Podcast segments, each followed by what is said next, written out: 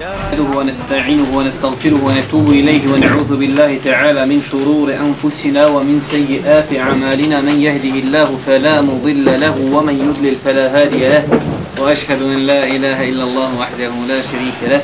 وأشهد أن محمدا عبده ورسوله. بلغ الرسالة وأدى الأمانة ونصح الأمة وجاهد في الله حق جهاده حتى أتاه اليقين. فصلوات الله وسلامه عليه إلى يوم الدين ثم أما بعد Vrć moja draga, kao što znate, ovo je naše druže, drugo druženje u kojem govorimo o greškama klanjača, teorija i praktično pojašnjavanje.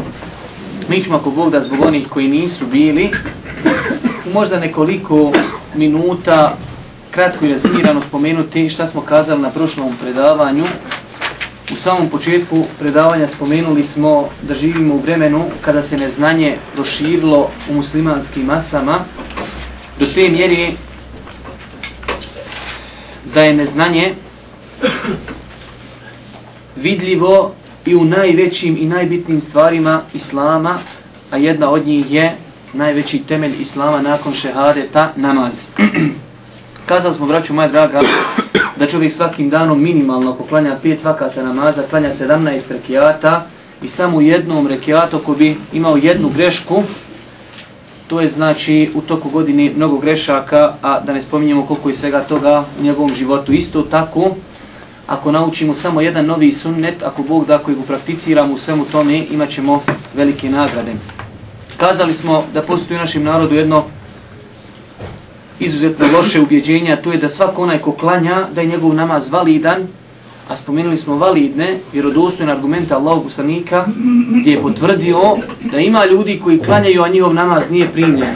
Znate, hadis u Buhari muslimu da je Božijem poslaniku došao čovjek, klanja u njegovoj džami, pa mu kaže Božji poslanik, irđa, da salli fe inne kerem tu salli, vrati se i klanjaj, ti nisi klanjao, negirajući validnost njegovog namaza. Nakon toga smo govorili o tome da kada za određenu stvar želimo kazati da je ibadet, moramo za nju imati vjerodostojan dokaz.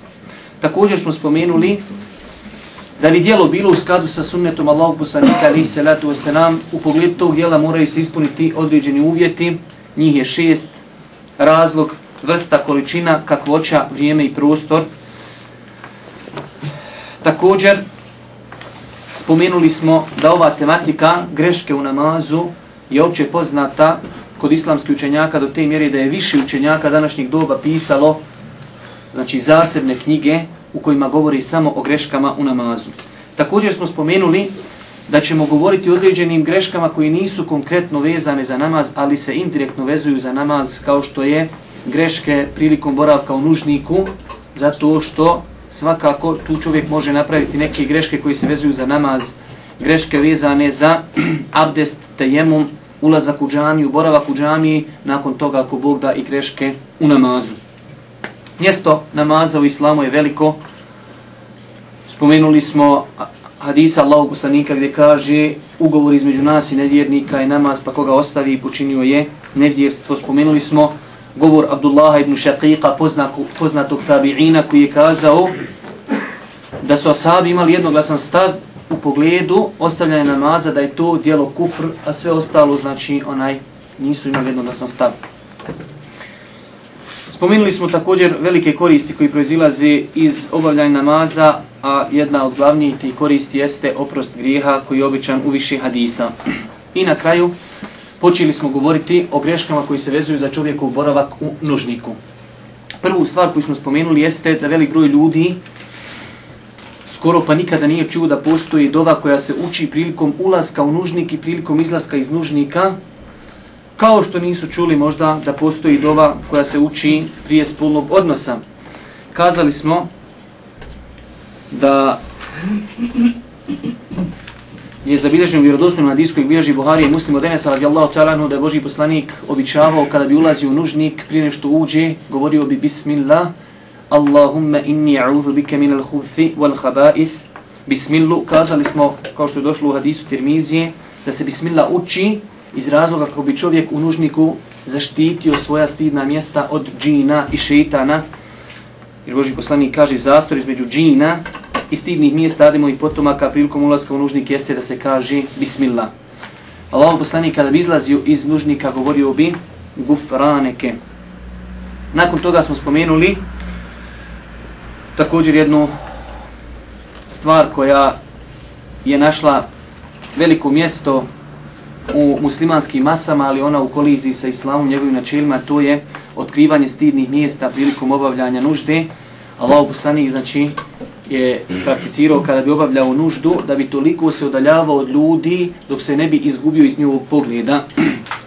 I spomenuli smo hadis imama muslima da je Boži poslanik kazao nije dozvoljeno muškarcu da gleda u stidna mjesta muškarca, niti je dozvoljeno ženi da gleda u stidna mjesta ženi. I zadnja, treća stvar, možda, ajde da reknemo, malo bitnija od ove dvije prve i više se vezuje za propis namaza, jeste svakako da ljudi smatraju da nije obaveza da se čiste nakon fiziološki obavljenih potreba, a naravno kada je u pitanju mokraća. Pa smo kazali da islamski učenjaci imaju jednoglasan stav da je mokrača nečistoća.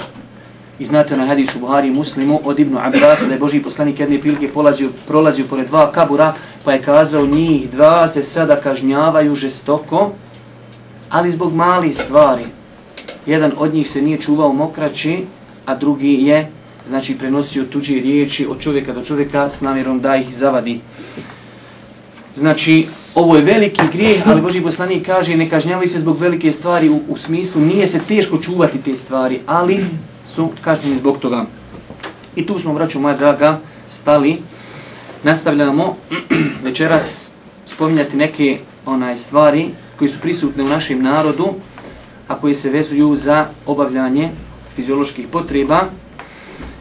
Jedna također loša stvar koja je prisutna, nekada je to bilo opet isto po selima, ruralnim sredinama, ali toga možete naći danas čak i u gradovima, to je obavljanje fizioloških potreba po putevima, po parkovima i mjestima gdje ljudi odmaraju.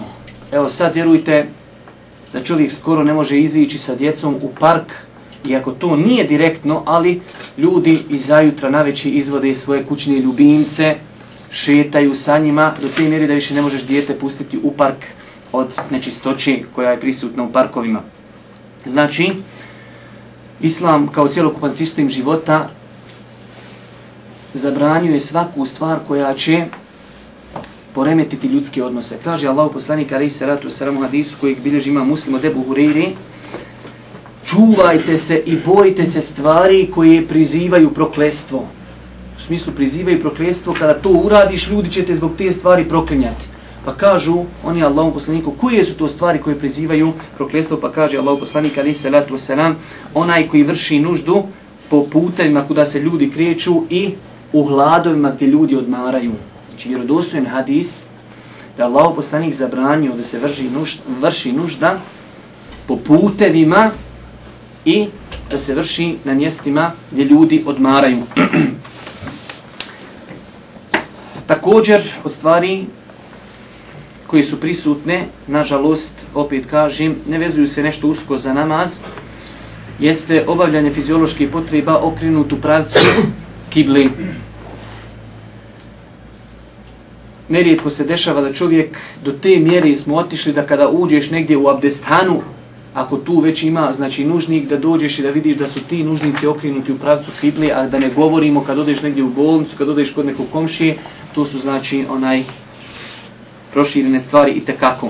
Imate vjerodostojan hadis u Buhari i Muslimu od Ebu Ejuba el Ansarija radijallahu ta'ala da kaže da je rekao Allah poslanik alaihi salatu wasalam kada odete obavljati fiziološku potrebu nemojte se okretati prema kibli ni prsima ni leđima. Znači, stroga zabrana. Svakako, onaj, nakon toga islamski učenjaci se razišli u pogledu svatanja ovog hadisa.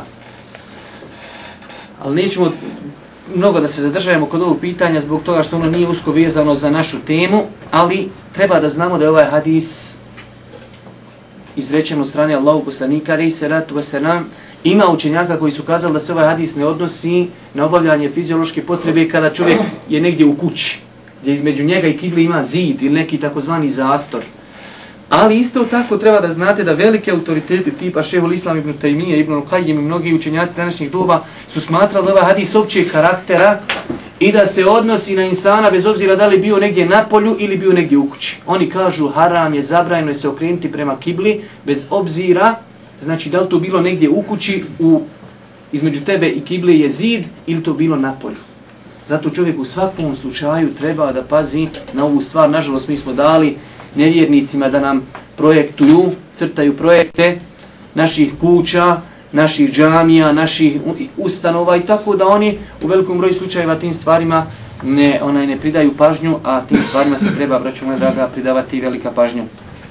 Također od grešaka vezani za ovo poglavlje, a ova greška se vezuje za poglavlje namaza velikom, jakom vezom, a to je mokrenje stojeći.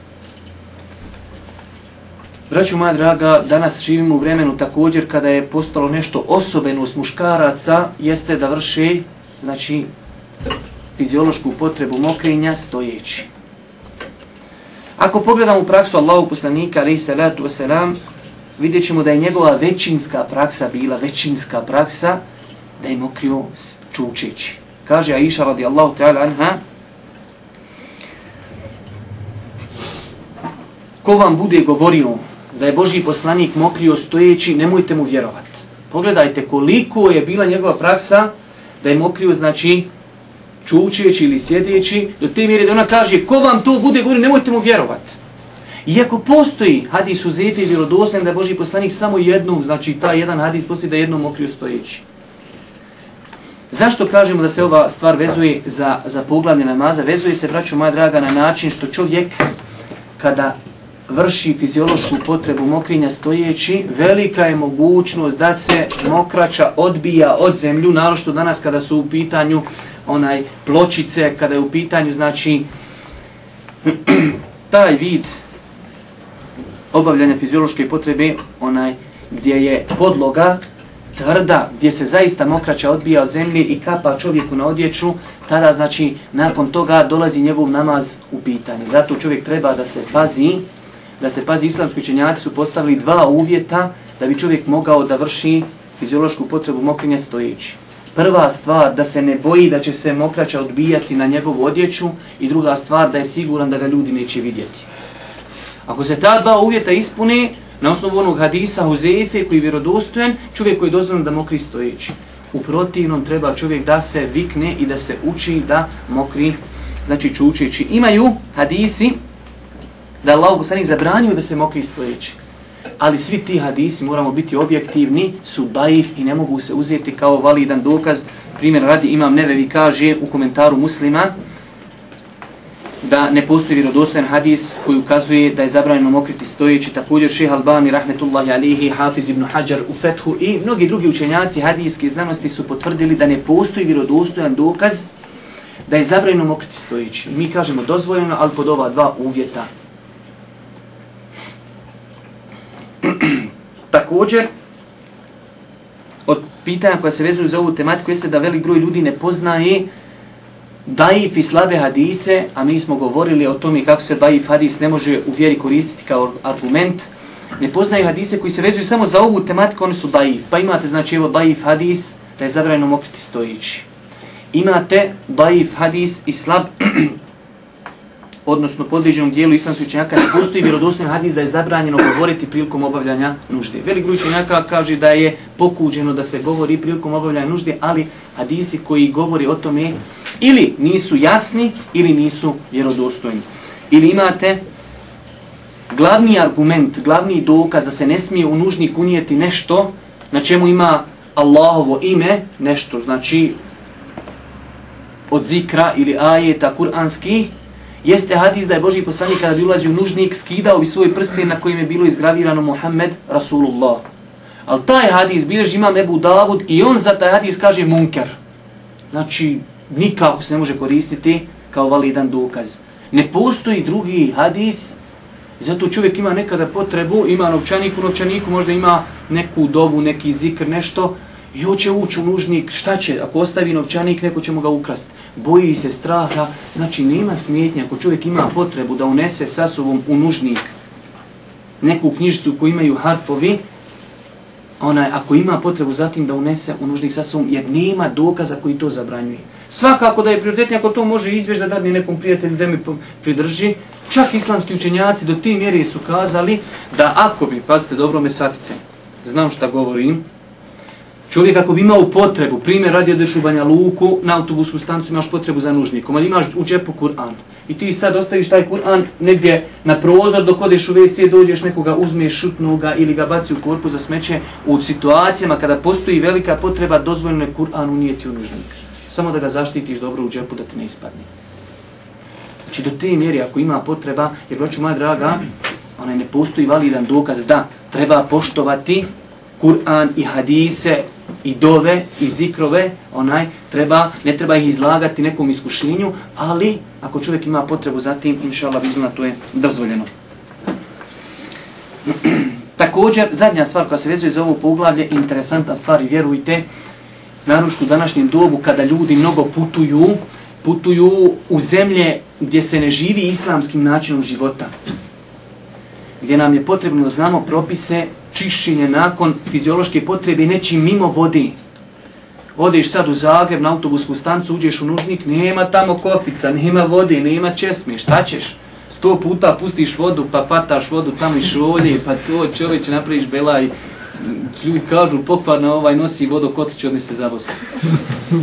Znači, a imaš tu toalet papir, sa šta ću, kako ću? Je li dozvoljeno da čovjek koristi prilikom čišćenja od i velike i male fiziološke potrebe, da li je dozvoljeno da koristi znači, papir ili nešto što je slično njemu. Po konsenzusu, braću moja draga islamskih učenjaka, dozvoljeno je čovjeku da se očisti nečim mimo vode, pa makar vode i bilo tu. Pazite, makar i bilo vode, dozvoljeno je, ako samo može se očistiti. Tako da čovjek ako negdje putuje, ode negdje u neku instituciju, da li je to bolnica, da li je to općina, da li odeš negdje u Hrvatsku, u Zagreb, na autobuskoj stanci ili bilo gdje, nemaš mogućnost, a nakon toga moraš obaviti namaz, nemaš mogućnost da se očistiš vodom, dozvoljeno ti je znači da se očistiš toalet papirom. Znači, to je opće poznata stvar, primjer radi stalnoj komisiji za fetve u Saudijskoj Arabiji je postavljeno pitanje, iz Britanije su ljudi postavili pitanje da li možemo prilikom obavljanja fiziološke potrebe u nužniku, zato što su tako u WC-ovima, takav je sistem da samo postoji toalet papir, možemo li koristiti, je to validno šerijetski, pa su dozvolili. Znači, u knjigama Fika ćete naći tamo čitavo poglavlje, čitavo poglavlje koji samo govori o tome čišćenje, tako, takozvani istinđa, znači nečim osim vodi.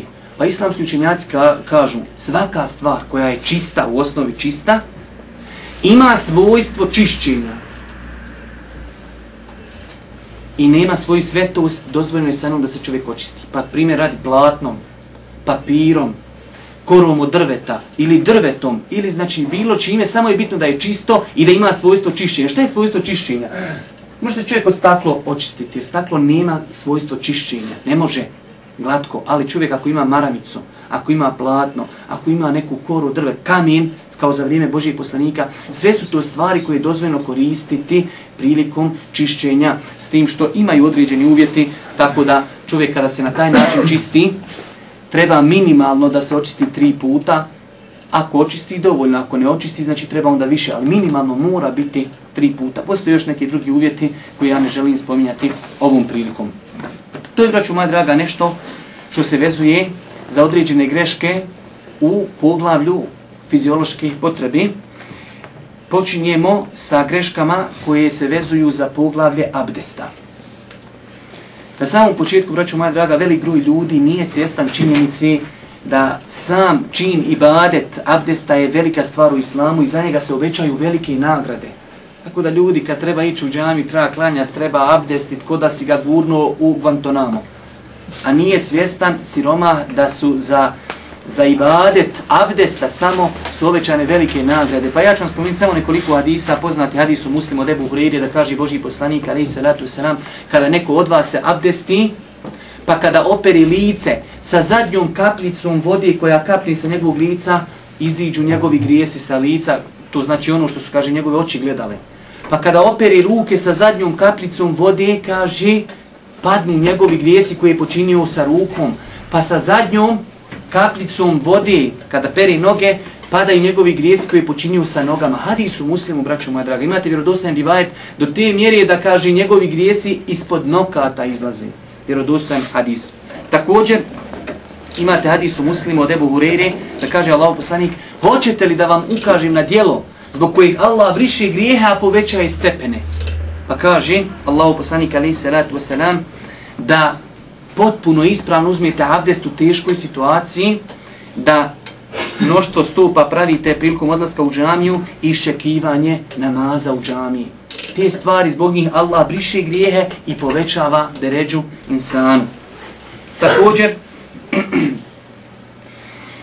vjerodostojen hadis koji izbilježi imam Ahmed, da kaže Allah poslanik alaihi salatu wasalam, nikada od vas neko neće uzeti abdest na lijep i propisan način, zatim otići u džamiju, ali samo radi namaza, a da mu se neće obradovati uzvišeni Allah kao što se porodica obraduje čovjeku koji je otišao na putovanje pa se vraća, tako se, kaže, kako se oni njemu obraduju, tako se Allah obraduje svome robu koji lijepo i potpuno uzme abdest i ode u džamiju.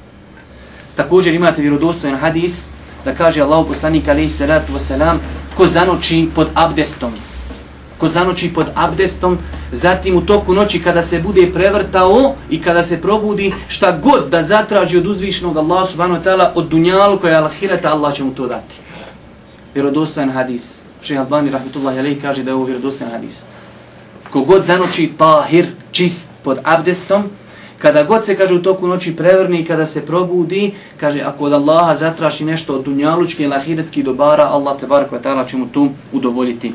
Imate poznati hadis također u Buhari i muslimu debu Huriri, da Allah poslani kazao Bilalu, Bilale, koje dijelo si uradio u islamu veliko, do te mjere kaže da sam ja čuo kuckanje tvojih nanula ispred sebe u džennetu.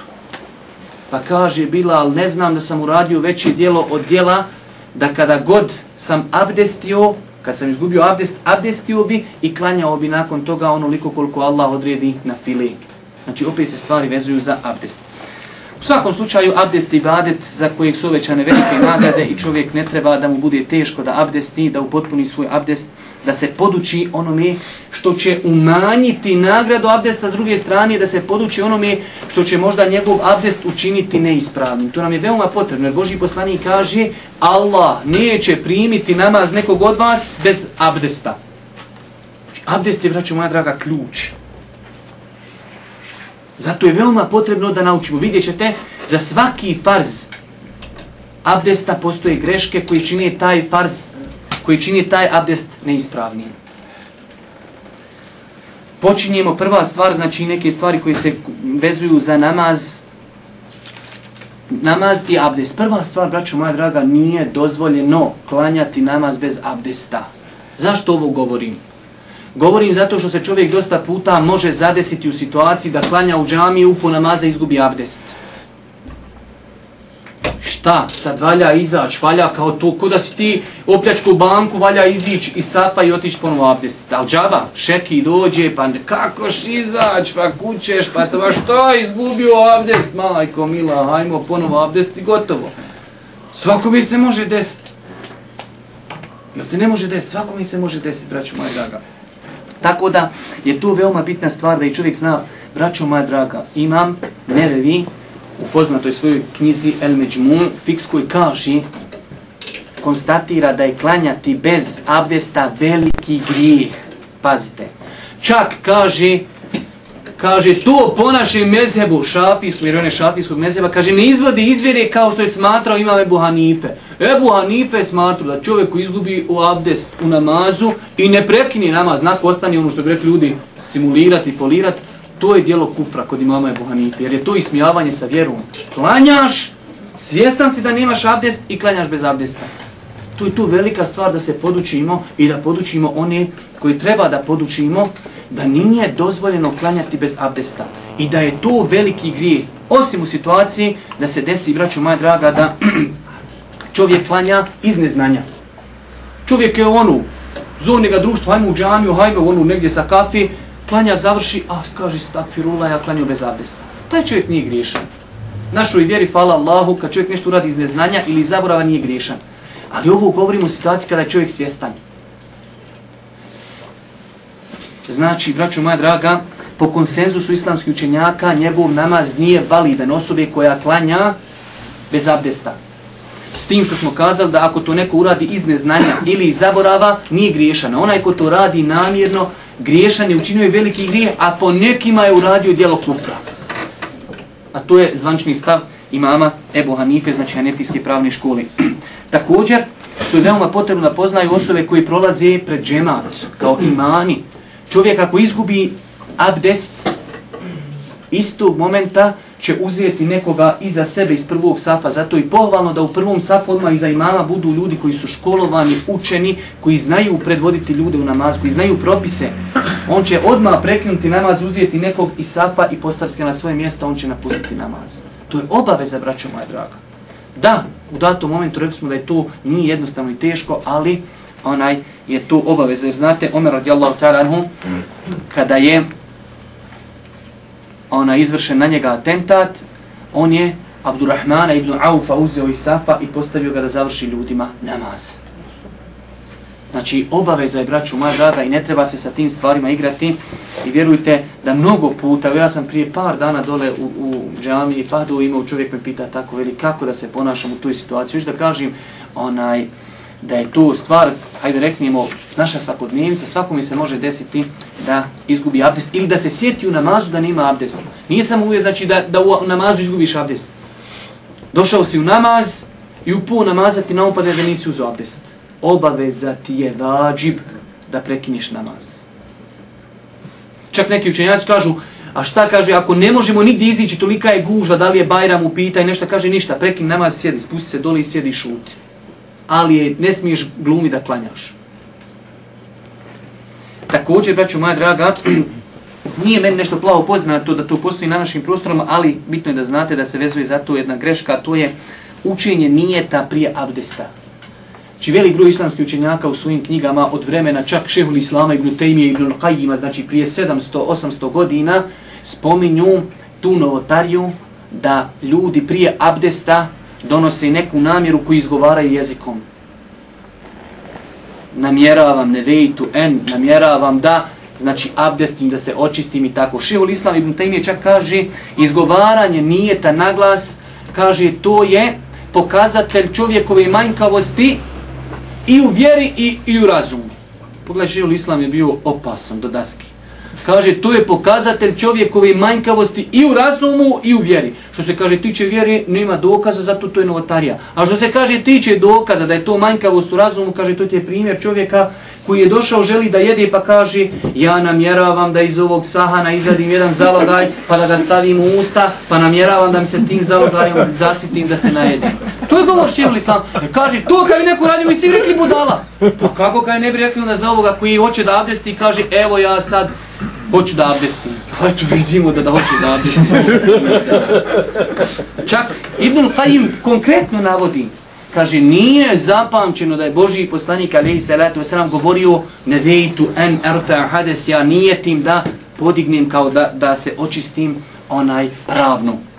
Tako da, znači ne postoji nikakav ni daif, ni slab, ni apokrifa, nikakav hadis koji kazuje da treba nijetiti prilikom uzimanje abdesta. Šehul Islam ibn Taymiye kaže po konsenzusu islamskih učenjaka nijet, njegovo mjesto je u srcu. U činjenju, kaže, svih ibadita, pa onda kaže primjera, kaže u tahari, čistoću, namazu, postu, hađu, u svim, kaže, ibadetima nijet, njegovo mjesto je u srcu. Velik broj učenjaka današnjeg doba su također potvrdili tu činjenicu.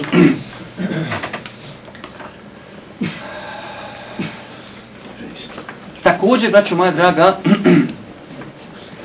učenje posebnih dova prilikom učenja, on, prilikom pranja svakog organa u abdestu ne postoji validan dokaz šerijatski. Imam neve vi također koji živio, znači namjerno citiramo izjave učenjaka koji su živjeli prije 6 ili 7 stoljeća, kako ne bi neko kazao, to je sad neko kazao od učenjaka iz Saudijske Arabije, neko ovdje, znači iz Bosne donio, citiramo namjerno govor učenjaka koji su živjeli prije 6-700 godina, kako bi znači se zaista utemeljilo to mišljenje. Ne postoji, braću moja draga, vjerodostojan dokaz kao što potvrđuju mnogi učenjaci, imam nevevi, imam Ibn Qajim u svojoj poznatoj knjizi Zadul Ma'ad, potvrđuje da ne postoji vjerodostojni argumenti, čak ne postoji nikakvi argumenti koji ukazuju da prilikom pranja svakog dijela organa treba učiti određenu dovu. I na kraju krajeva, znači, to je stav stalne komisije u Saudijskoj Arabiji, opće poznato, znači da Boži poslanik počinjao bi abdest sa bismillah, a kada bi završio abdest, učio bi poznatu dovu, Ešhedu en la ilaha illa Allah wahdahu la šerike levo, ešhedu enne Muhammeden abduhu wa rasuluh, Allahume ja'alni mine tawabine, wa ja'alni mine mutatahirin. To je ono što je zabilježen da učio Boži poslanik na početku bismillah, na kraju ova dova. Sve izvan toga onaj nije preneseno validnim dokazima. Imate praksu koja je prisutna u Bosni, a to je da se uči nakon abdesta šta? Tri puta sura inna enzalnahu.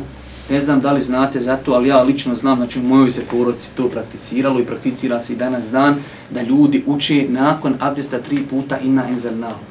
Postoji hadis o tom i braću moja draga, ali taj hadis je znači daiv, daiv, nima nikakve osnove, znači i nije dozvoljeno po njemu raditi.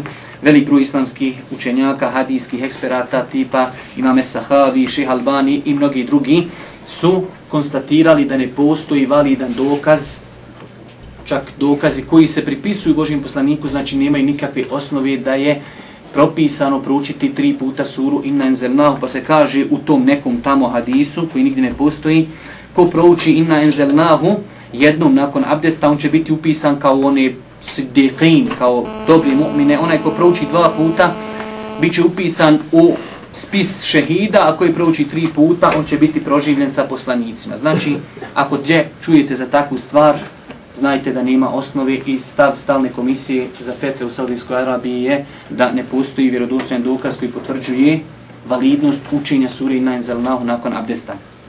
Vraćamo se, ja ću, braću moja draga, pokušati kroz ova naše izlaganja da idemo nekom hronologijom. Nekada ćemo morati malo izletiti, ali gledat ćemo da to ako Bog da bude hronologija. Prva stvar, počinjemo abdest.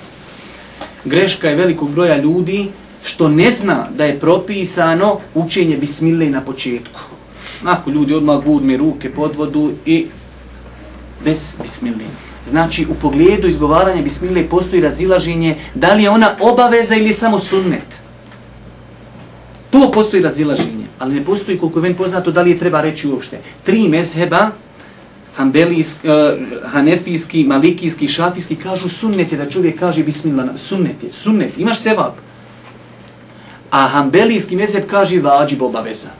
S tim što oni kažu, ako zaboraviš, na, va, validan je tvoj abdest. Ali, znači, sunnet je, braću moja draga, da se kaže bismillah na početku. Imate hadis ako kojeg u pogledu kojeg se razilazi islamski učenjaci, a to je da Boži poslanik kazao nema abdesta onome ko ne kaže bismillah na početku abdesta.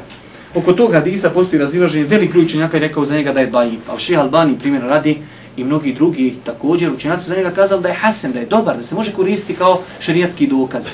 Zato u svakom slučaju čovjek treba da zna da je ta stvar propisana i da se čini. Ali ako je zaboravi, ako Bog da njegov, njegov abdest je validan.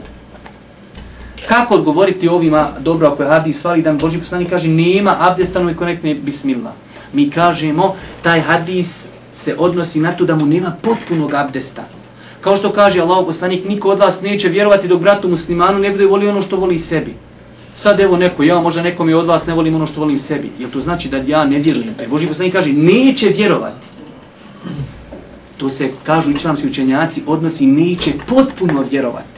Nekada u islamu, kada nešto negiraš, negiraš njegovu potpunost. Tako i ovaj hadis, kada kaže Boži poslanik, ko ne rekne bismillah na početku na abdesta, nema mu abdesta, nema mu u zagradi potpunog abdesta. Nema potpuni nagradi za taj abdest. Jer isto tako možemo ovo konstatirati iz razloga što Imate vjerodostojnu hadise u Buhari i Muslimu gdje su ashabi opisivali abdest Božijeg poslanika pa nisu spomenuli da je on to kazao. Znači, postoji mogućnost da je Božji poslanik to izostavio, dok je izostavio, znači to nije bila obaveza. Ja znam, pokušajem vas preduhitriti da će neko sada postaviti pitanje, pa dobro, kako da se čovjek ponaša kada je u nužniku WC uzima abdest, pošto opet mi i tu smo napravili belaj, pa u kućama pravimo WC-ove, gdje je nužnik zajedno sa kupatilom. Da li reći bismillah ili ne reći? Šejh bin Baz primjer radi, ima fetu poznatu gdje kaže treba kazati pa naglas i u WC-u, nužniku da kaže čovjek bismillah i da počne abdest. Iako, na primjer, bilo učenjaka kao šeju Semin, drugi koji kažu čovjek će to kazati u sebi, iz poštovanja prema zikru, ali hoću da vam kažem, znači, čovjek i kada se nalazi u nužniku, treba da kaže bismillah, ako rekli u sebi ili ako rekli naglas, u svakom slučaju, ako Bog da ima u Leme koja su rekli i jedno i drugo, ti će pogriješiti, ali još da kažem da niko od njih nije rekao ne trebaš kazati kad si u nužniku. Oni kažu trebaš kazati, samo se razgleda kako kazati. Da li u sebi ili naglas. Ali kažu i kada si u nužnik uzimaš tamo abdest, kaži bismillah. Možda li se reći prije ulaska u nužnik? Ima, ima učenjaka koji su i to kazali, znači, ali pojenta naša je da onaj čovjek, kak se zove, da će reći bismillah. A ima učenjaka koji su isto, evo moram vam ja reći, ne znam, nemojte se smijati, vjerovatno nećete, čovjek danas, ja čitam ti neke fetve, baš pripremajući ovo, kaže čovjek, on ode se kupat sa numom tamo u kupatilu i onda njemu tek tamo nampadne šta treba sa njom da radi, ali kaže nisam proučio dovu, šta ću? Pa mu kaže jedan bručenjaka, kaže, ako već znaš da ćete safatat to što ćete safatat, kaže prije što uđeš u WC, dovu. A neki kažu čak razumiješ, znači ko što je ovo, znači da čovjek kaže onaj kako se zove i u nužniku, ali znači pojenta je da niko nije rekao nemoj nikako reći. Pojenta je da treba kazati, braću moja draga. Ali, na kraju opet rezimiramo, po stavu tri mezheva, to je sunnet, imaćeš zato seba, po četvrtom mezhevu, ako to zaboraviš, ako Bog da, onaj, kak se zove, namaz i abdest valini. Dobro, znači idemo nekom hronologijom, počinjemo abdest i rekli smo, bismillah, perimo ruke, nakon toga perimo lice. Rekli smo za pranje svakog farza, a farz je u abdestu oprati lice, ruke, noge i potrati glavu. Za svaki ovaj rukn i farz postoji greške. Kada je u pitanju lice, imate ljudi žuri, požuri, požuri, malo onako pljuhne se vodom i ode. Neispravno, braću da zapamtite. Granica lica je od ondje gdje niče kosa, od tuda ovdje do ovdje gdje se spajaju dvije kosti, ako se spajaju vi koji studirate medicinu, vjerovatno znate bolje od mene. Do ovdje, znači ovako, a što se tiče uzdužno, od ovog tijela ovdje, od ove resice do ove resice, mora se sve pokvasiti, braću moja draga. Ti uzmeš vode kad pljuhneš, ovdje ti ovo ostane suho. Ili, ako si toliko bio strašljiv kod cigan, pa malo ostane ti čelo, onaj. Znači čovjek treba uzeti vode i dobro oprati čelo i ovda znači mora, braćo moja draga, da operi svoje lice. Jer islamski učenjaci kažu to su granice lica i velik broj islamskih učenjaka je spomenuo da su to granice lica od mjesta gdje počinje kosa do ove kosti na bradi i uzdužno znači od ove resice do ove resice sve se mora oprati. Nisam to planirao kazati, ali evo da vama kažem, naše žene kad nose hijabe, mahrame, obuku mahramu i svežu mahramu dole ispod. Ženi je obavezno samo onaj, ako već ne nosi nikav, dozvoljeno da otkrije ovo što perije prilikom abdesta, do ovdje. Sve izvan toga mora pokriti. Neispravno je mahramu ispod sveza. Ovo ovdje je, znači, ipak potpada pod stidni dio tijela i obavezno je ženi da nosi mahramu ovako. To je, nažalost, jedna velika onaj prisutnost na našem terijenu, da žene nose mahramu, onaj stavljaju tako, znači ovo ovdje sve što otkrije i ovo dole, onaj je neispravno. Čak onda nakon toga, ja sam lično postavljao neke pitanja nekim šehovima u arapskom svijetu putem interneta, nakon toga se i namaz dovodi u pitanje, jer ona klanja, a otkrila je jedan dio avreta, jer velik broj žena naših tako klanja. I onda znači šta je radila? Klanjala je sa otkrivenim avretom, ovo ovdje znači avret, ovo dole. Tako, možda da kažem da u svakom slučaju treba to prakticirati. Znači, to su, braću moja draga, to je greška koja je prisutna sigurno kod velikog broja ljudi koji ne pazi na tu stvar kad u pitanju, znači rukn, pranja lica, da se mora lice oprati u potpunosti. Nakon toga, znači, imamo, onaj, odnosno, ili prije toga, ispiranje usta i nosa. Ovo nije krupna greška, ali ubjeđen sam u velikom broju slučajeva, interesantno je spomenuti, jer mi smo rekli da čovjek nauči samo jednu stvar za jedno predavanje, veliki je hajr. Kada se, braću moja draga, ispiraju usta i nos, u vjerodostojnim hadisima koji je zabilježen kod imama Buharije, zabilježeno je da je Božji poslanik ispirao usta i nos iz jedne šake zajedno. Ne postoji, kao što kaže Ibn Qajim i drugi hadi, učenjaci, hadis u kojem stoji da je Boži poslanik ispirao usta posebno, a nakon toga posebno nos. Svi hadisi vjerodostojni, postoji da i hadisi, vjerodostojni hadisi ukazuju da je Boži poslanik iz jednog pregršta ispirao usta i onda nos. Svi hadisi to potvrđuju i to je sunnet. Kako god da ti zapreš usta i nos lijevom, desnom rukom da naspeš iz bokala unos vode, ispravno je. Mi oko toga se ne razilazimo. Tražimo šta je sunnet Božijeg poslanika. Sunnet Božijeg poslanika je da se uzme pregršt u ruku i da se uzme pola vode za usta i onda da se voda znači uvuče u nos iz jednog pregršta. Čak ima rivajet da koji učinjaci shvataju da je Božji poslanik tri puta izapravo usta i nos sve iz jednog pregršta. Ali manje više, znači nije onaj sad nam tu bitno, bitno je znači da čovjek izapire usta i nos s jednom šakom vode. Ne da či, uzme usta, pa onda vode za nos, pa usta, ne. Ili tri puta usta, tri puta, sve to ispravno. Bitno je da izapreš usta i nos, ali sunnet je da uzmeš vode i izapreš usta i nos zajedno. Nećemo puno tumačiti i onaj rastezati jer imamo drugi stvari onaj koji nam ukazuju na to. Znači hadisi u kojima stoji da je Boži poslanik uzimao posebnu vodu za usta, posebnu za nos su daif hadisi, po mišljenju velikog broja učenjaka kaže imam e, nevevi, rahmetullahi alihi, ulema je jednoglasna da je hadis u tom pitanju daif. I tako imate i drugi onaj učenjaka šehu e, šeh e, Albani, imam Ebu Hatim, Hafiz ibn Hajar i drugi su smatrali, braću moja draga, da hadisi koji govori o tome da se posebna voda uzmala za usta, posebna za nos, da su da hadisi. S druge strane, hadisi u Buhari su zabilježeni da je Boži poslanik iz jednog pregršta ispirao usta i nos. I to je, braću moja draga, jedan sunnet. Onaj koga ostavi neće biti griješan, ali je nama u cilju da upotpunimo svoj abdes potpuno, da upotpunimo svoj namaz, svaki sunnet gdje ga možemo zaraditi, da ga zaradimo. Jer rekli smo 17 rekiata danas, ako još na to pridodaš 12 rekiata sunneta, to je znači, braćo moja draga, mnogo toga.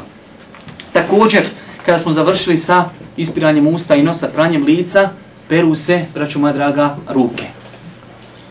Imamo za pranje ruku nekoliko grešaka. Prva stvar, vezuje se za muškarce, ali u datom momentu više za žene kada žene nose lak na noktima. Neispravan je abdest žene koja ima lak na noktima. Isto tako kod muškaraca, sve ono što će spriječiti dolazak vode do tijela, čini abdest ne Čovjek bavi se molerajom i tim stvarima i dođe ovolike mrlje na njemu, znači ili šta ja znam od e, maltera ili bilo šta drugo, sve što sprečava dolazak vodi do tijela, na tijelovima organa koji se peru. Čovjek ima ovdje farbi, to je druga stvar. Nama je bitno da nemaš ispod lakta, da nemaš na licu, da nemaš na nogama. To nam je bitno. Zato kažemo, veliko je žena, imate žena, Allah ja znam žena koji redovno klanjaju, ali redovno nalakiranih nokata. Neispravan namaz. Sto posto. Tako isto muškarac treba da pazi na svom tijelu da li ima išta što će uskratiti onaj dolazak vodi do tijela. Čak sam čitao određene fetve nekad davno da ljudi koji rade onaj tamo u primorskim krajima gdje ima dosta ribe pa gdje čisti ribu pa kaže čistim ribu pa se desi da oni kak se zovu krljušti ne znam nija kak se zove padne njemu na, na, na tijelo i to se tako kaže zalijepi da voda više ne može doći pod tu kaže ulema mora, obavezno to, kaže jer ja znam to od ribe, nekad jednostavno ne vidiš dok je mokra ruka, tek nakon što se ruka osuši ti vidiš da je to bilo, ti već klanju namaz. Neispravno, moraš očistiti, uzeti nož, nešto kako ćeš već raditi, očistiti. Obaveze, ne dolazi, braću moja draga, ne dolazi voda do ruke, mora se očistiti koža da dođe do nje voda. Znači, ovoj stvari treba posvijetiti mnogo pažnje. Također, Ova druga stvar, braću moja draga, pogledajte kuranski ajet. Allah Đeršanu suri El Maide kaže Ida kuntum ila salati felsilu uđuhekum. Kada krenete na namaz, hoćete abdestiti, operite svoja lica i nakon toga kaže operite svoje ruke. Ono prvo pranje ruku nigdje se ne spominje. I to je sunnet po konsenzusu učenjaka. Kad doću tek reći bismillah, pereš ruke, to je sunnet. Kad bi ostavio tvoj abdest, je ispravan. pereš lice, oprusi onako kako treba, nakon toga periš ruke. Jer Allah Đeršanu kaže u ejdijekum ilal merafika, odperite svoje ruke do laktova, u redu. U šerijatu, u vjeri, nikada riječ ruka u arapskom jeziku može se odnositi nekad na samo šaku. Nekada se može odnositi samo na ovaj dio, nekada na ovaj dio kompletan. Ali nikada se ne odnosi od ovda do ovdje. Ali čovjek kaj malo prije sam opru ruke, sada ću i oprati od ovda do ovdje. I to čini velik broj ljudi. To jeste po anefijskom jezebu ispravno. Ali po ispravnom stavu je neispravno. Nemojte se, nema potrebe, znači mi volimo Ebu Hanifu, vo, mi volimo Hanefijski mezheb, ali je neispravno. Obaveza je čovjeku nakon što opere ruke, da opere, da, nakon što opere lice, da opere ruku, pazite, od lakta i lakat do vrha prstiju. Šehu Usejminu, šehu Džibrinu su postavljena pitanja, čovjek nakon lice samo opere ruku od ovda do ovdje, zato što je kao malo prije opru ruke. Kaže, njegov abdest je neispravan i njegov namaz nakon toga je neispravan. Jer Allah Đelšanu ti kaže, operite lica, nakon toga operite ruke. Nemoguće u šarijatu nema nigdje da se ruka koristi od ovda do ovdje. Kad ti kaže operite ruke, to znači od ovda dokli. Ile merafiq do laktu. Ispravno je mišljenje da mora lakat ući i lakat se mora oprati. I to je isto jedna greška kad ljudi dođe ovako, zavrne ruka mrskom, pogušat će košlju, ide na matursku, i ovako dođe i opere do ovdje samo. Moraš zagrnuti ovdje i oprat sve do ovdje da laka tuđi. Ako ne operiš, greška. Znači, braćo moja draga, ponavljam, nakon pranja lica, kada se peri ruka, mora se oprati od vrha prstiju do lakta i lakat. Jer Allah Đelšanu kaže, u aidijakum i vaše ruke. U šerijatu, u islamu, u arapskom jeziku, nikada se riječ ruka ne koristi od ovda do ovdje to je koji kod nas u bosanskom podlaktica. U redu. Znači, za, e što se ovdje razilazi tri mezeba sa imamom Ebu Hanifom? Imam Ebu Hanife kaže isto treba oprati ruku, ali on ne smatra u, u abdestu redoslijed da je uvjet. Dok ostali mesebi kažu redoslijed je uvjet. On kaže malo si prije opro ruku, sad još opereš ovaj dio i to je za... Nije bitan redoslijed, bitno je da si opro sve stvari ali ostali mezhebi, nekada ako imadimo vremena, kazat ću vam kako islamski učenjaci dokazuju da je redoslijed obaveza. Malo je tu komplikovano shvatiti, tako što posle predavanja da vam pojasnim, na osnovu čega su islamski učenjaci shvatili iz ovog ajeta da je redoslijed obaveza. Znači u svakom slučaju ispravno je mišljenje da abdest mora biti onako kako je abdest poslanik. Prvo ruke, nakon toga ispiranje usta, nosa, lice, nakon toga ruke, nakon toga glava, nakon toga noge. Tim redoslijedom mora ići. Dobro. Znači, spomenuli smo da postoje fetve od šeha Džibrina, šeha Usemina, rahmetullahi alihi, gdje kažu da onaj nije validan abdest takvoj osobi. Dobro, znači to su dvije greške koje se vezuju za pranje ruku. Da imamo nešto na rukama i da ne operimo čitavu ruku. Odlazimo do pranja kosi. Odnosno, potiranja po kosi. Braćo moja draga, opet se vraćamo na te mezevske razlike. Moramo se naučiti tome. Znači, to ako mi ne preferiramo stav određenog mezeba, ne znači da mi pocijenjamo taj mezeb. Imate u pogledu potiranja glavi. Pazite, ovo je veoma bitno da zapamtite. Svi konsenzus, šehol islam ibn Taymi navodi konsenzus da je sunnet, sunnet, da potareš glavu od početka do kraja i da vratiš tako ruke. Po svima je to sunnet, zato što imate hadis u Buhari i muslim da je poslanik tako potirao glavu. Uzeo bi ruke i potrobio do kraja i vratio bi. Dobro. To je sunnet. E onda se učenjaci razišli dobro, ali onaj ko neće praktikuje sunnet, koliko minimalno mora potrat. Pa imam šafija, e, imam e, Imam Ahmed ibn Hanbel i Mali kažu mora čitavu glavu jer ne postoji nikad dokaz da Boži poslanik potirao samo jedan dio. Imam Ebu Hanife i Šafija kažu jedan dio glavi pa se on razilazi koliki dio glavi, ali kažu ne treba svu glavu. Kada ne bi ništa, vraću moja draga, više pričala večeras, dovoljno kažemo, po svima je sunne da se sva glava potari. Završimo, nećemo dalje raspravljati. Hajmo prakticirati sunnet, ko što se svađamo u džami i zaklanjati podne sunnete i za ovo i za ono, hajmo se i za taj sunnet posvađati. Nemoj gleda šta je mezheb rekao. Hajmo gleda da su svi rekli sunnet je da se potari sva glava. Hajmo prakticira sunnet bez gledanja šta su mezhebi rekli koliko minimalno treba potrati. Šta je donijelo problem ovdje? Došao je problem koji također je dostojno hadisu od Mugir ibn Šubi, da je Boži poslanik imao turban na glavi. I bilo mu je malo kose, čelo. I onda on kad je abdestio, a dozvoljeno u šerijetu potrat po turbanu, on je potrao čelo i onda nastavio potru po turbanu. I oni kažu, e evo vidite da je Boži poslanik potrao sam po jednom dijelu glavi. Ali, da je samo poslanik to potro i stao, mi bi rekli da. A što je potro do kraja turbana? Nigdje, kao što kaže Ibnul Qajim, ne postoji hadis da je Boži poslanik samo potrao jedan dio glavi. Svugdje kada se prenosi da je potirao, kao što se prenosi u hadisma Buhari i muslima, potirao je čitavu glavu. A kada je nosio turban, potrao bi samo tu čelo i onda bi nastavio potirati po turbanu. Čak taj dokaz je dokaz protiv onih koji kažu da dozvoljeno jedan dio, jer da je bilo dozvoljeno, Boži poslanik bi potruo samo jedan dio, što će dalje čeba mahat rukama. Ali je potruo zato što je to obaveza. Ja lično sam ubjeđenja, poštojem oni koji kažu da može jedan dio glavi, inače u šerijetu zapamte, kad se ulema raziđe, kao što se sada šafijski, hanbelijski, hanefijski učenjaci razišli, kažu oni, može jedan dio glavi. I onda se razišli koliko? Pa jedni kažu tri dlake, samo uzmiješ potariš i dosta. Jedni kažu tri prste, jedni kažu četiri, jedni kažu pola, jedni kažu trećina. Dok se tako razilazi, to je dokaz slabosti tog mišljenja. Kad se god ulema puno razilazi, znaj da tu ima znači dosta slabih mišljenja. Jer nima, da ima dokaz, oni bi lako rekli pola, trećina, četvrtina, tri dlake. Nema dokaza. I zato ja sam ubjeđenja da je ispravno mišljenje, da je obaveza potrati svu glavu. Ali manje i više vraćamo se na onu prvu konstataciju. Konsenzus, kao što navodi Šeho Islam ibn Taymiye, po konsenzusu svi smatraju da je sunnet potrat čitavu glavu. Samo se razilazi koliko moraš potrat, ali je sunnet čitavu glavu potrat. I niko ne negira hadise koji su Buhari muslimu da je Boži poslanik potirao tako da bi potrao svu glavu i vratio. Znači, to je, braćo moja draga, sunnet.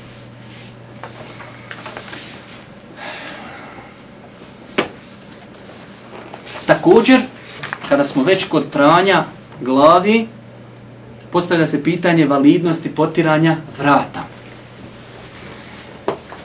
Ima ljudi koji to radi smatrajući da je to onaj propisan u vjeri, ali braćo moja draga, velik broj islamskih učenjaka, hadijskih eksperata, imam Sujuti, imam Hafiz ibn Hajar, Hafiz ibn Salah, Ših Albani i mnogi drugi su kazali da svi hadisi u kojima se spominje potiranje vrata u abdestu, ili su daif, džiden, puno slabi, ili su apokrifni.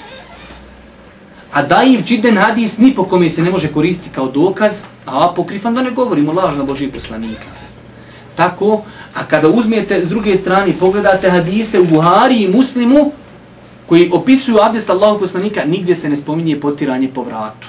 Tako da, ja sam ubjeđenja da je to stvar koja nema utemeljenja u vjeri. A rekli smo u prvom predavanju, za svaku stvar koju hoćeš da neko čini kao vid ibadeta, moraš mu reći dokaz je to i to. Ne postoji validan argument, braćo moja draga, po mišljenju velikog broja islamskih učenjaka, da je praksa Allahog poslanika, ali se ratu sam bila potiranje po vratu. Kaže Imam Ibnul Qayyim, ne postoji vjerodostojan hadis da Allahog poslanik potirao vrat. Također stalna komisija za fetve kaže ne postoji vjerodostojan argument u Allahu i knjizi niti u sunnetu Božih poslanika da je propisanju potiranje vrata. Također Šeha Albani kaže hadisi koji govori o tome, znači su daif i on onda detaljno obra, obrazlaži tu. Kaže Šeha Islam ibn Taymiye, rahmetullahi alehi, ne postoji vjerodostojan hadis da je Boži poslanik potirao po vratu. S druge strane, hadisi koji su vjerodostojni, onaj ukazuju da to nije bila praksa Allahu poslanika alihi salatu wasalam. Nakon što smo potrali po glavi, nakon što smo preskočili potiranje vrata, idemo prati noge. I pranje nogu ima svoje ima svoje nedostatke. Radi se o tome da određen broj ljudi iz njima poznatih ili nepoznatih razloga, iz žurbe ili iz neznanja, kada abdeste stavi nogu pod vodu i teče voda, ali peta i ono gore poviš pete ostane neoprano. Imate hadis, broću madraga, u Buhari, muslimu, vjerodostajan, kao takav, a sad povod hadisa, znači ne govorimo da li u Buhari muslimu, ali hadis kao hadis je vjerodostojan sigurno, da je Boži poslanik kazao, teško li se petama od vatre. Kad je izrekao Boži poslanik taj hadis?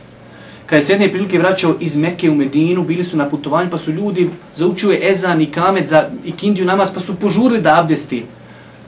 I ja sam to, Allah, kad sam bio u arapskom svijetu, tek sam tada shvatio kako je to. Mene uvijek, kako ćeš sad ti primijeti nekome u nas bosanaca? Prvo, kad su razumiješ bijele ti noge, zato što ne hodamo pješić. On ne možete neko lako primijeti. Ali kod čovjeka koji hoda pješici i čija noga je crna, kad on operi nogu i nešto ne skvasi, vidi se suho. Zato Boži poslanik kada je vidio kod ljudi suhe pete, a oni već abdestili, kaže im Allah poslanik, وَيْلٌ لِلْأَعْقَابِ مِنَ النَّارِ Teško li se petama od vatri? To je razlog izjavljivanja ovog hadisa. Teško li se petama koji nisu oprane prilikom abdesta od vatri? To je velika prijetnja. Nažalost imamo toga da ljudi nakon žuri, zaći s malo vodu, sam nogu pod vodu, hop, hop, imamo tam vam i hop, bitno je da se igri. Znači mora se, braću moja draga, oprati noga od vršice prstiju do iza pete i do članaka i članke. To je ono što treba oprati.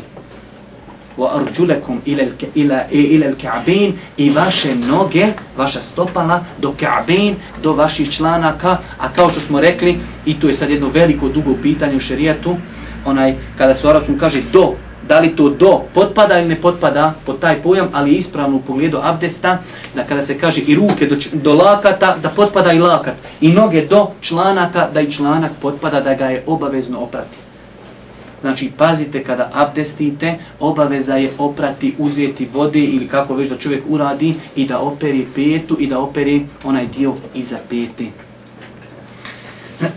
Znači, na osnovu ovog hadisa koji je vjerodostojan svakako, ispomenuli smo, znači, razlog njegovog izricanja. Isto tako, Boži poslanik, ali se ratu jedne prilike vidio čovjeka da je abdestio pa otišao uklanjat, a kaže na njegovoj nozi je ostalo toliko koliko je jedan zlatnik ili dirhem, ima znači predaja kao ovoliko koliko je nokat, da nije voda pokvasila. Pa mu je rekao Boži poslanik, vrati se, idi po novi abdest a u rivajtu i ponovi namaz. Idi ponovi abdest. Znači, neispravan je abdest ako se ne skvasi one stvari koje je obavezno da se skvasi u onaj prilikom uzmanja abdesta. I evo, braću moja draga, za kraj ćemo spomenuti da, ako Bog da možemo završiti ovu večeras temu, onaj, nekoliko stvari... Kako koji su... je propis e, za uši, šeha? Pranje ušiju, niste spomenuli. Dobro, nisam spomenuli zato što nije bilo neki, znači ne možemo mi sve stvari spominjemo, znači spominjemo neke stvari, ne postoje neke velike onaj greške koji se vezuju za uši, ali možemo o tome postoji govoriti. Samo da završimo sa nekim stvarima koji se vezuju vezane za ubjeđenje u, u abdestu. Prva stvar, imate ljudi koji smatraju velikim grijehom i pokuđenim da se priča prilikom abdesta. Dođeš, žuriš na drugу stancu na abdesti, hađa koliko je sati? Sad si me našao, pitao ih da abdestim. Jeste određen dio učenjaka smatrao da je pokuđeno govoriti prilikom abdesta, ali ne postoji, braću moja draga, za to dokaz. Čak šta više, postoji dokaz da Boži poslanik priču. Hadis u Buhari i muslim od Bugire ibn Šube, Boži poslanik je abdestio, Bugire ibn Šube, on posipao vodu da abdesti. Pa kada je došlo da operi noge, Mugira se sageo da mu skine mesta kako bi oprao Boži poslanik noge. Pa kaže Boži poslanik, da huma fa inni adkhaltuhuma tahiratayn pogledaj da'huma fa inni adkhaltuhuma tahiratayn čet pet riječi rečenica. Pusti kaže nemoj dirat moje mjesto nemoj mi iskidati obuku sa im ja na čiste abdesne noge ja ću potrati. Razgovara sa njim u toku abdesta. Znači, nema, braću moja draga, nikakve smitnje da se govori. Nećeš sad uzeti abdestit i pjevat tamo Šemsu Suljaković mitirat, ali znači, ako ima potreba, nema smitnje da se progovori. Tamo vidiš gori žene pita, ti požuri, znači, ženu izgori pita, ne smijem joj kazat, gori pita. Okaži ženu izgori pita, napraviš poslije veći belaj što je pita izgorila. Također, ovo je malo opširno pitanje, isticanje krvi. Velik broj ljudi smatra da isticanje krvi kvari abdest. I to je bio stav određen učenjaka, ali, braću moja draga, hadisi koji govori da isticanje nos, e, krvi iz nosa gubi abdest su hadisi ih. S druge strane, ako pogledate u praksu Bo, e, Božih poslanika i njegove sahaba, vidjet ćete da su klanjali u vrijeme kada im je tekla krv iz njihovih rana. Da je to bilo nečisto, oni bi prestali klanjati i da je to gubilo abdest, oni bi prestali. Imate vjerodostojan hadis kod imama Ebu Davuda, poznata ona priča, kada su ashabi bili u jednom pohodu, Pa su nakon toga otišli u jednu dolinu, pa su spavali, postavili čovjeka da im stražari, pa je došao čovjek čiji selo su oni napali, pa je njega pogodio sa tri strelice, njegova krv teče, kada ga je ugledao taj njegov koji sa njim stražari, kaže, zašto me nisi probudio? Savu krva, a on u namazu. Ma kaže, bio sam u jednoj suri, nisam, kaže, volio prekinuti, kada nisam bio stražar Allahovog poslanika, ja bi, kaže, rađe da mi duša odi negda prekinim tu suru. Ali pojenta je da savi, koji nije bilo opće poznato, da se namaz ne prekida zbog krvi. Omer kada je zboden, znači isto tako onaj upotpunjuje svoj namaz, smatruje, znači on upotpunjuje, znači sam. I tako mnoge druge predaje potvrđuju onaj da su asabi klanjali, a njihova odjeća je bila ovaj nakvašena krvnom. Također imate ubjeđenje određenog broja ljudi da kada abdeste, će li moći ovo se snimiti? Moće. Imate broj, određen broj ljudi koji kada abdeste smatraju da svaki dio mora oprati tri puta. Ako ne operi nije validno. Da, tri puta je najbolji. Četiri ne smijemo. Višak. Ali imate vjerodostojne hadise u Buhari da je Boži poslanik klanj, eh, abdestio i svaki dio bi sam po jednom opravu. Pa imate hadise da je po dva put, pa imate hadise po tri put, imate miks. Jedan dio jednom, jedan drugi dva put, jedan tri put. Znači sve četiri te opcije su dozvoljene. Naravno ako imaš malo vode i ako žuriš. Bitno je da opereš ono sve što se treba oprati. Ako jednom, po konsenzusu islamskih učenjaka, ako jednom operiš ruku i, oba, o, i skvasiš sve što je trebalo da skvasiš, tvoj abdest je validan po konsenzusu islamskih učenjaka. Ali imate neki ljudi, samo tri puta mora biti tri puta. Znači ovo govorimo, da, to je fino zbog sunneta, ali s druge strane nekada će imati malo vode, nekada žuriš, dozvoljeno je znači da opereš svaki dio po jednom, ako Bog da i abdest je validan, jer je to činio onaj koji bolji od nas stotinu puta, činio je to Allahu poslanik alihi salatu wassalam. Također, obnavljanje abdesta, braćo moja draga. Imate određen broj ljudi koji ovo pitanje ne razumiju potpuno ispravno. Velik broj učenjaka smatra da je sunnet, i to je bila praksa, većinska praksa Allahog poslanika, da bi za svaki novi namaz obnavljao abdest. Za svaki, pazite, uzme abdest i klanja. Dođe drugi namaz, on ima abdest, ali ode obnovi. To je u redu. I zato se može reći da je sunnet. Iako je dozvoljeno sa jednim abdestom, ako možeš klanjati 18 namaza, 3 dana da ne spavaš, dozvoljeno. U redu. Ali gdje je problem? Problem je da čovjek uzme abdest i još nije klanjao ni jedan namaz. I prođe tako sat i po dva, hoće u džamiju, I kaže, idem ja još njega jednom obnoviti. To je novotarija, kaže Šeulu Islam ibn Tejmije, to nikad od Ulemi niko nije rekao. Ali, ljudi brkaju ova dva pitanja. Ono malo prije pitanje, obnavljanje abdesta nakon što si sa njim klanjao jedan namaz. To je, pa, pazite, veoma bitno. Uzmiješ abdest, klanjaš jedan namaz. Nakon toga došao drugi namaz od sunneta, i možemo reći slobno od sunneta, je da uzmiješ ponovo abdest. Jer to Boži poslanik činio često. Do te mjeri kada je u Meki, kada je usvajao Meku, s jednim abdestom je klanjao više namaza, kaže mu Omer se zove, Boži poslaniće, kaže, danas je uradio nešto što nisi prije nikad uradio. S jednim abdestom se klanjao više namaza. Što znači ovaj hadis nam ukazuje da je praksa Božih poslanika bila da je za svaki namaz uzmao novi abdest. I to nema smetnje, ali ima smetnje da imaš abdest i nisi sa njim nikako klanjao i ti ga ponovo obnavljaš bez potrebe. Zato stvar kaže Šeul Islam ibn Taymiye, rahmetullahi alihi, da je novo tarija. Također, imate ljudi iz svog neznanja, i svoje neke dobrote koja opet izlazi iz granica šerijata, kad bi rekao sad nekom bošnji, kažeš šta misliš bošnjo da abdestiš sa zemzemom? Ne uzubila da se parašlagiram, ne znam nija šta bi mu se desilo. Zemzem je voda, braću moja draga, Allah dao da je ljekovita, ali ulema, kada ih pitaju da li je dozvoljeno se okupati, pa čak očistiti se od nuždi, ako imaš potrebu za tim zemzemom, Nema smetnje nikakvi. Kamo da abdestiš? Šef bin Baz, rahmetullahi alihi, kada odgovara na to pitanje, kaže, a sahabima se znalo desiti, nemaju vode. Pa uzmu malu količinu vode, Boži poslanik stavi svoje ruke u tu vodu i ta voda, kaže, provrije. Pa kaže, po mom mišljenju, ta voda je vrijednija od zemzema. Jer je provrla kao muđiza Božih poslanika. Pa su ashabi tu vodu koristili da se okupaju od džunupluka. Neko bi pio, neko bi se čistio od nužde i neko ovo, neko ono. Pa ako je, kaže, moglo tom vodom, zašto ne može zemzemom? Jer zemzem je obična voda. Imaš ljudi, to je opće poznato samo, neće zemzemom da abdesti uzme tejemum. Njegov namaz nije validan. Ko uzme tejemum, a zemzema ima pored sebe, njegov namaz nije validan, da znate. Tejemum se samo uzima kad nemaš vodi. Riječ zemzem potpada pod pojam vodi. Mislim, onaj, mislim da je dovoljno to što smo rekli. Mi ćemo se ovdje zaustaviti, možda sljedeći put ja imam ovdje pripremljeno onaj neke stvari, samo možda jedno 10-15 stvari za koje ljudi smatraju da gube abdest, a one u osnovi ne gube abdest i time ćemo ako Bog da završiti poglavlje grešaka koji se vezuju za abdest. Ako Bog da sljedeći put ćemo gledati da govorimo o greškama u tejemomu, potiranju po mestvama i vjerovatno boravku u džami, a nakon toga ako Bog da uz Allahu pomoć ćemo početi konkretno govoriti i o namazu. Molim Allah subhanahu wa ta'ala da ono što smo čuli budi korisno za nas. Molim Allah subhanahu wa ta'ala da nas poduči propisima naše vjere i molim Allah subhanahu wa ta'ala da nas učvrsti na putu istini, da nam bude milostiv na sudnjem danu i na kraju subhanaka Allahumma da bihamdike, šedu in la ilaha illa ente stagfiruke, wa etubu ilaik. Še može pitanje?